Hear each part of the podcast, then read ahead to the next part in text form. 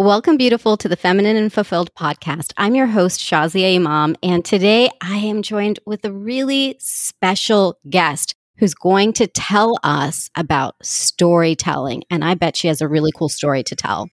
Amy Saidman is the founding artistic executive director of Story District, a DC based arts nonprofit dedicated to teaching and showcasing the art of storytelling. They produce live and virtual performances, teach classes, offer consulting services, and host a podcast, Story District Presents.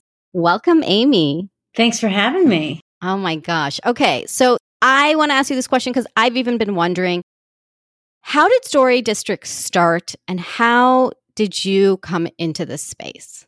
So it actually started way back in 1991. It was an organization called Washington Storytellers Theater. And there's a whole storytelling circuit, or like um, festival circuit. And there's the really big festival every year in Jonesborough, Tennessee. And this group of people that lived in DC really wanted to bring some of their favorites from Jonesborough up to DC. So they started the Washington Storytellers Theater and then they would bring their favorites up. So there'd be like eight shows a year with visiting storytellers.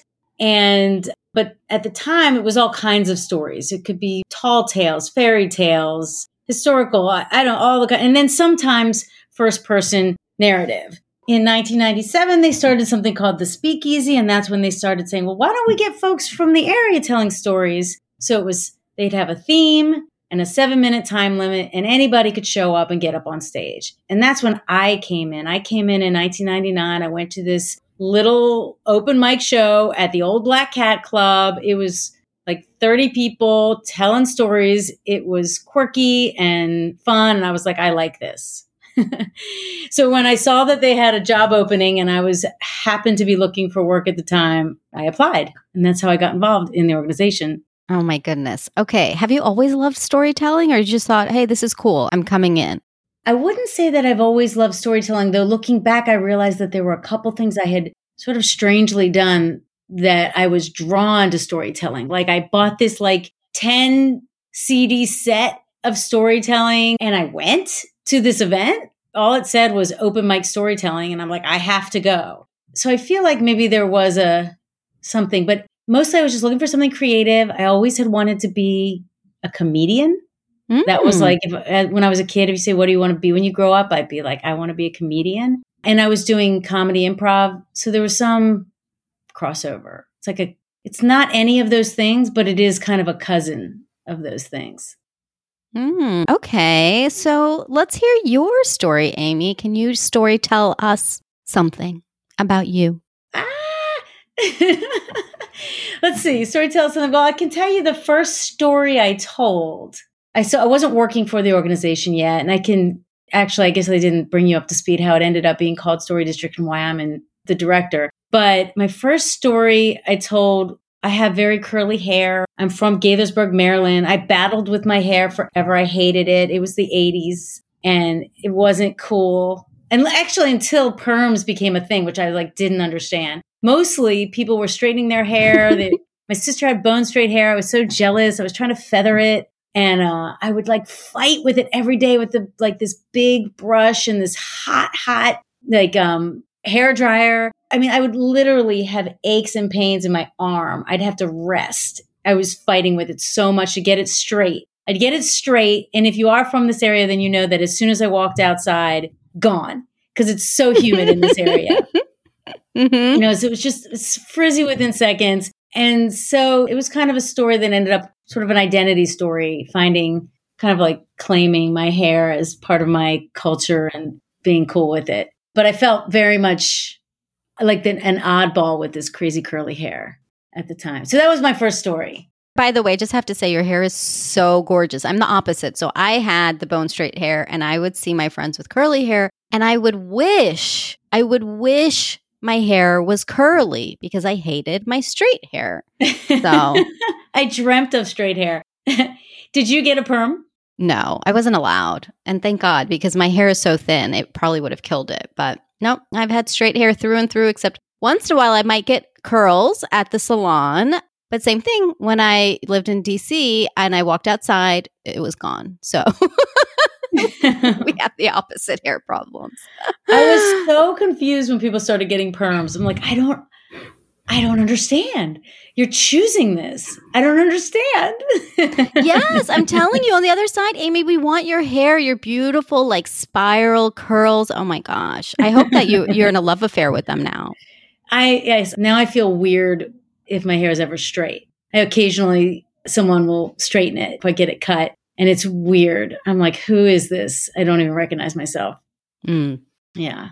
Okay, so that's the first story you told, which if anybody's been listening, you can already hear Amy, you're doing this great job of like doing this thing of creating the picture. And I learned this from you. Okay. So I'll give you all a little bit of a background. I met Amy because I was able to join her Story District stage this past spring. And it was such a great experience because Amy coached me in storytelling. And so there's all these like little tips and tricks and things to really make a story come to life. And I'd love if you could share with us, maybe do like a little mini workshop with us right now on like how to do storytelling. And to me, storytelling doesn't just have to be on stage, but how can we be more engaging when we, we're even having a conversation with somebody? I find that I can use these same things even in everyday conversation too. Yeah, that's a good point. I mean, there's a couple go to things we talk about in our classes and when we're doing coaching. And one of those things is visual, not just visual, just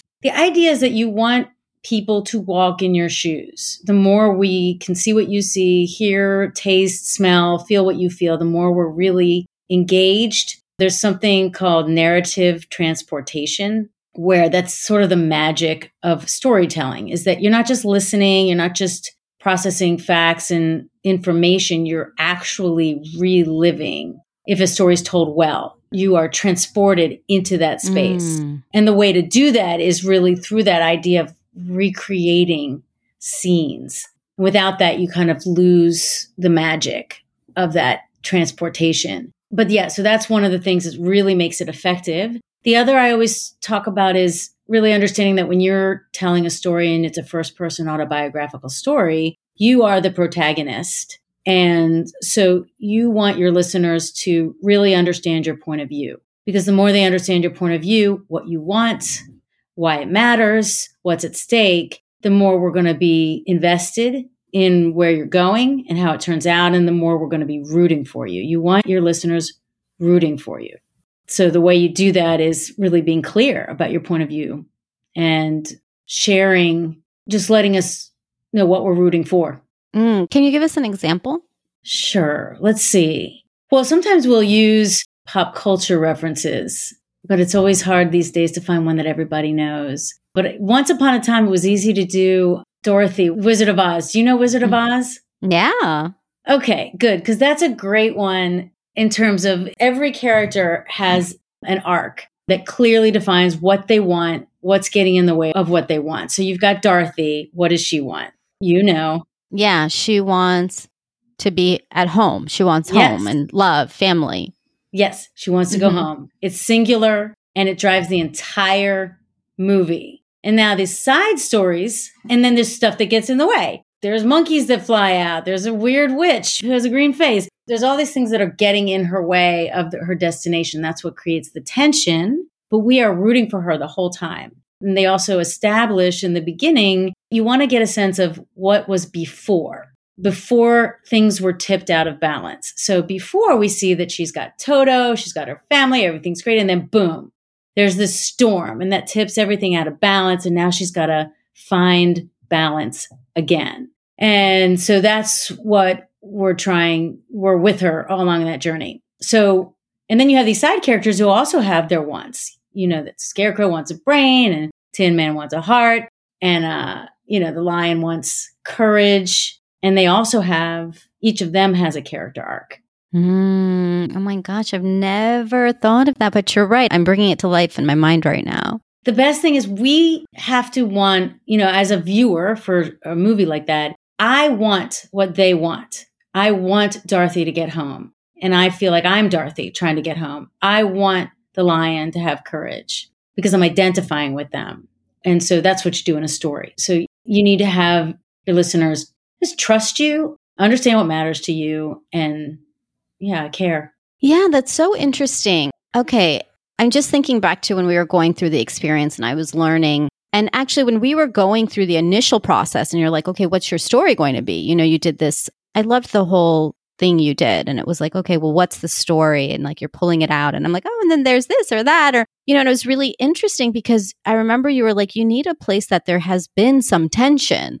There gets to be something because it's, I guess it's also called like the hero's journey. Like you want the protagonist to win. You want them to, like you said, get back to their thing, that one thing. And I just think that that's so interesting in a time that we live in I'm, I'm just going to get deep for a moment. We live in such a like social media age where we are only showing things that are really perfect. We show really perfect pictures and beautiful captions and beautiful things that what is fascinating is that what we are still looking for though is the story of triumph is that tension moving to that thing that the person wanted and so I'd love your just your kind of take on that in today's age.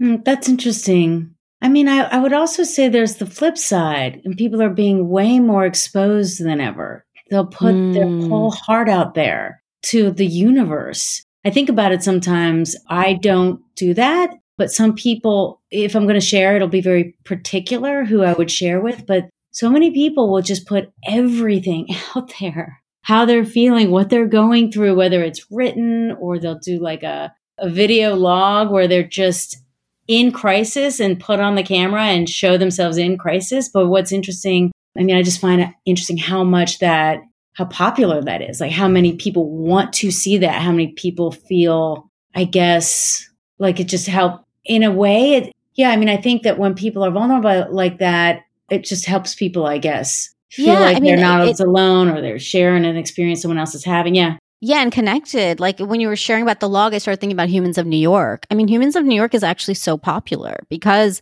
mm-hmm. you're hearing somebody's story. For me too. I mean, I love hearing somebody's story. I want I do want to hear that. And so on one side it feels like there's so much stuff that's really curated, but you're right. I mean, it's the pieces where people are being really real or we can connect to some part of their story that that's what I feel like is what will keep somebody's attention. That's the thing that is interesting in stories.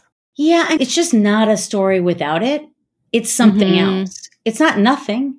It might be a highlight, a description, speech, but it, it's not a story without that. That's just a fundamental part of a story. And it is fundamentally something we crave. You know, we want the before and after. The mm-hmm. you know, if it's too easy, it's just not a story. Yeah. Mm-hmm. So you have coached so many people through the years and done so many of these shows. So what is a story that's either been amazing or the opposite? like what's a story that stands out to you? Or oh a moment or a moment behind the stage? Oh, let me think. I would say, okay, there have been so many amazing stories. I mean, I think I would say, okay, there's a s- certain kinds of stories really get a reaction from the audience, or really one is a story that's, I think there's a, a definite appeal to some folks for stories that are very confessional. It takes some courage to share that particular story. I think that is something that appeals to some people but mm-hmm. we always coach that there's enough emotional distance from that so they're not actually processing, emotionally processing through the story. They're at a place that they can tell it. Mm-hmm. Like they don't still have anger or still have, I mean, they might feel something, but it needs to be a certain kind of distance. You know, when people are able to bring humor to their stories, we often encourage stories about failure. Failure is a great source of story material in a way like we were talking about it because it's already got a built-in tension. Mm-hmm. But it's also it's such a great way to take something that maybe didn't turn out well, but use it for something really positive, which is a great story, and have a sense of humor about it. Because we don't grow without failure, so those stories have a lot to do really with growth. Yeah, and I would say that the tough ones. I mean, I think the toughest time I have with a story is I'll refer back to what we were talking about. One is if if you if it really doesn't matter. If you're just like, yeah, I was fine. I was fine. that's really hard to turn that into a story that's meaningful. You have to feel something. Even if it's silly, like we had a story, the whole story was about this person's enthusiasm for cheese. You know, that, you know, that doesn't have a lot of, it's cheese. It's not depth, but she truly loved cheese. so it's all about just helping us understand your enthusiasm and share in, in her enthusiasm so we could, like I said, buy into her point of view because it mattered to her. I think she like found out maybe she was lactose intolerant, couldn't have cheese. So it was like this big deal. And again, for some of us, maybe that's not a big deal, but doesn't matter because if she gets us on board, we get that it matters to her. Yeah, that would suck. Oh my God. If she loves cheese and then she can't have it. Right, right. So that's tough when someone's flat. You can't get the, okay, but why does this matter to you? Um, I think another difficult one is just people who, you know, can tell a story that's just crowded and not focused.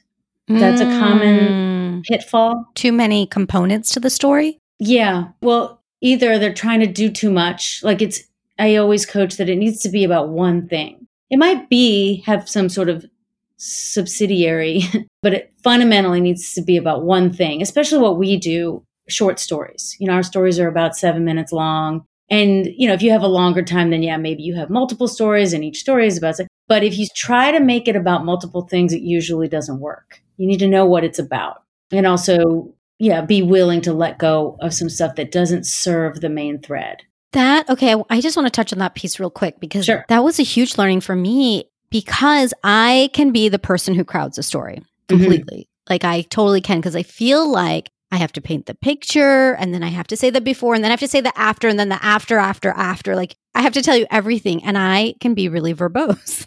and I remember telling you, I'm like, I don't think I can do like seven minutes. Like I just don't know how that's possible. And you're like, it is. And this piece that I learned from you about you don't have to say all of the things. And actually, people don't even need to hear the after after. Like, I think I ended my story by saying, and I was okay and more than okay after yeah. like a really big story. So, and it really was enough. Like, I haven't had anybody come to me and say, Shazia, you know, what happened after that? People felt so complete. And it was very fascinating to me to know that the story itself when you talk about the arc, it's really fascinating because there is just this one arc. I mean, maybe you can have another arc for a story you tell later, you know, maybe tell a different piece later, but that arc where, you know, you go through that journey, like the ending doesn't have to be this long, long thing. It can just be so simple. And ever since I learned that from you, I have paid attention to that. And I've noticed that good stories are like that. They just don't need so many things. In fact, when it's too many things, I don't know, like I'll check out if I'm listening. Yeah, exactly. Because we just need to be able to know what we're listening to, what we're hooking onto, and what it's about. Mm. Yeah. I love that, that you took that away from the experience. Yes, thank you. Oh my gosh, I needed that. I needed that. I can just talk and talk and talk. oh my goodness. So, Story District today, where are you seeing it headed? Because, of course, things changed in the last year. So, typically, you did do things on stage with an audience. The story event that we did, there was no audience. So, how has that affected Story District and where you go from here? Well, I mean, this last year has been a year of loss and change and experimentation. You know, so we experimented with Zoom for our shows and our classes. We experimented with this hybrid where we're at a venue with the cast, but the audience is virtual like you did. And we have live shows, regular seated live shows scheduled for September and December. And I'm starting to book for 2022. And I really hope we can do that because I don't know that virtual performances is a sustainable model mm. forever. Mm-hmm. I think our classes can survive online for sure. And we do work with corporate, you know, businesses and organizations and government agencies, and those are have been working just fine online. There's still things you can't experience unless you're to, in the room. But yeah, the shows we've had some audience but not enough. We'd have to explore different a different model for the mm. long term. If things don't open back up, but if they open back up, you would go back to the original model? Yeah, but also okay. keep growing our digital footprint, just working on making it, you know, we have stuff on YouTube and we have two seasons of our podcast, but, you know, I want to invest more into those long term as well. Whatever's on our YouTube is kind of a warehouse of stories, but I want to turn that into, you know, actual web series, just invest more in our digital content and see where that can take us. Mm-hmm. again, as you know, you know, when we do shows, we can sell tickets so we can cover some of our costs, not all of them, but there's really no immediate way to cover costs of your digital content. That's just a longer term leap of faith. So that's part of why we haven't done that much of that. Hmm. You really got to put all of it into it and then see and then grow your audience and then see if you're able to cover your costs. But mm-hmm. but yeah, I definitely want to explore that. I mean, we definitely will. You know, I'm eager to. Yeah, but I do hope we go back to in person. I think, you know, that's a special experience. You know, audience it's just mm-hmm. a it's just a unique relationship and energy you really can't recreate. Yeah. I mean, I can see that. I think it was really nice to be on a stage when I did the event and I loved it. And we had a small audience, just the other people who were doing their stories, and of course, you, Amy. But I could imagine that if there had been a full venue with a full audience, that it would have felt intimate. I mean, there's still an intimacy in sharing a story, but I like the idea of feeling like, oh, I'm talking to people. And, you know, we've all had to be so flexible in this last year. You know, there's not mm much we mm. can say, but I look forward to, and I hope Story District does open back up to full venues or whatever that looks like.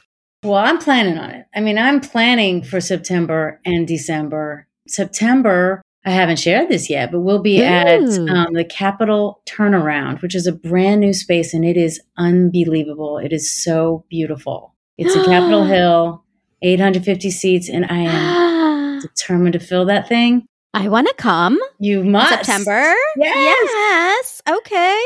I'm still hammering out the details to do a formal announce, but I'm very uh, excited about that space. And I'm really excited that if we're full on back and people can come, maybe we have to wear masks, but as long as we can be there, I want it to be a big celebration, just like such a happy party. And then December, we are booked to be at the Lincoln, which is also a huge space. We usually have two shows a year there, which we did not. So I'm also hoping that can be really kind of back up, at least close to normal But yeah, I'm optimistic, but there is still a lot of unknown. Yeah, I'm optimistic too. I mean, that I can't wait. I mean, I'm just, I'm putting it out there. I'm coming. Do you have the theme of the show or will it be no i'm variety? deciding i'm deciding mm. that's why i haven't done a formal announce but i'm deciding but i'll, I'll keep you posted but mm. yeah i mean mm. just i hope you do another story when we're live because it is so rewarding i mean i think what we did with the virtual show was also very rewarding. I felt it was rewarding personally. Yes. But like you were saying, you were imagining what it must be like in front of an audience. I mean, I cannot even tell you. It's like my favorite thing. It is so, I don't know how to explain it. It's so cool. if the whole audience laughs or gasps or is just silent because they want to hear every word you have to say, I mean, it's very cool. Oh my God. Uh, that sounds amazing. That just sounds amazing. And what I love too is that you bring storytellers who aren't typically storytellers. It's not like you're bringing in professionals who do this all the time. I mean, in our event, there was a woman who talked about being a cat lady, like wanting to be a cat lady. And it was her journey to like being a cat lady. And I loved her story because I'm like, this is so cool. You know, like and she's not a professional storyteller. She's sharing her story. And I love that about Story District because it really is real people telling real stories. Yeah, that's our whole thing to scoop up new people and be like, who's out there that has a story to tell? We'll help you tell it. We'll get you put together a show. Yeah. So, how can somebody do that? If somebody's listening right now and is like, I'd love to tell a story or I have a story to tell, but maybe I'm even a little bit nervous. How can they find out about perhaps being at a future Story District event? Best place to go is our website, storydistrict.org. You can follow us on Instagram and Facebook. We're not very good about Twitter, so stick with those two. We have a YouTube channel. It's all at Story District or Google Story District. You can join our mailing list. That's how you'll stay the most up to date. Like if I have, hey, we're looking for stories for this theme, I'll put that out there on the email. I'll put it on social as well, but definitely the email's probably the best. And you can sign up for that on our website. Yeah, that's the way to go. And basically, the process is sometimes we'll do, like for Which Way is Mecca, Yasmine Elhady was my co director and really uh, the casting director. And so she really just pulled people that she thought would be good. So that's the way we cast that show. But a lot of our shows are really open and we'll say, here, it's an open call. And we'll say, this is the theme. This is what we're looking for. You have till this date to pitch your story. This is how you pitch, which at this point is a, a recording. And and then we listen to all the pitches we've got and then we'll pick from there. Yeah, and then sometimes we'll have a partner and we'll ask our partners to help identify good storytellers or people they really want to be part of the show. So we do different things for different shows. But there's often, and I'm hoping going forward, that we're able to create more opportunities for folks to at least give it a try. And you can also take a class, it's not required at all. Oh, yes. Tell us about your class because you do teach storytelling. We do. And we've been mm-hmm. doing it, you know, historically, we have two flagship classes. Well, really, I guess a third, but Storytelling 101 is a five week class. You go every week. When it was in person, it was every week, three hours a week. And the last one was your showcase and we'd bring in an audience, you know, of your friends and family. And so virtually, we've been doing that virtually pretty similarly, not quite as long each time because it's just too long to stay on Zoom, but yeah, finishing with a virtual showcase. And we used to have boot camp, which is one full day in person. And that's too long to do online. So we're not doing that, but we'll probably come up with some other stuff. And then we also sometimes do 201, which is the next level. So you have to, there's a prerequisite of one of the other classes before you can do 201. Ooh, I want to do 201. I've already graduated myself to 201 because you get yeah i might make that exception um so I, i'm I, I i'm hoping to post more actually don't have anything right now which is too bad but I'm going just timing wise. but I will be posting some more Storytelling 101 and Storytelling 201 soon so mm. that we do hmm. have some more on the books. Yeah, I'd love to do 101 and 201. I mean, I love the art of storytelling and I love it for conversation. I love just talking to somebody who tells me a really good story. It doesn't even have to be on stage. I always appreciate it. And I've been trying to hone my craft around it. And one of the questions, actually, Amy, I want to, as you're sharing about different things that Story District does, one of the questions I get often is from women who are really afraid. They have stage fright and they're like, there's no way I can get on stage. But I've had several women who have said, I want to speak, but I'm so afraid. So, mm. would hmm. your classes support somebody with stage fright? Yeah, definitely. Well, I should say, hmm, I should be more specific, which is that we have people that come with quite often that the reason they're there, they will say, is I want to overcome my stage fright. Mm-hmm. And what I find is particularly why storytelling can be a good path is because you're going to tell your own story.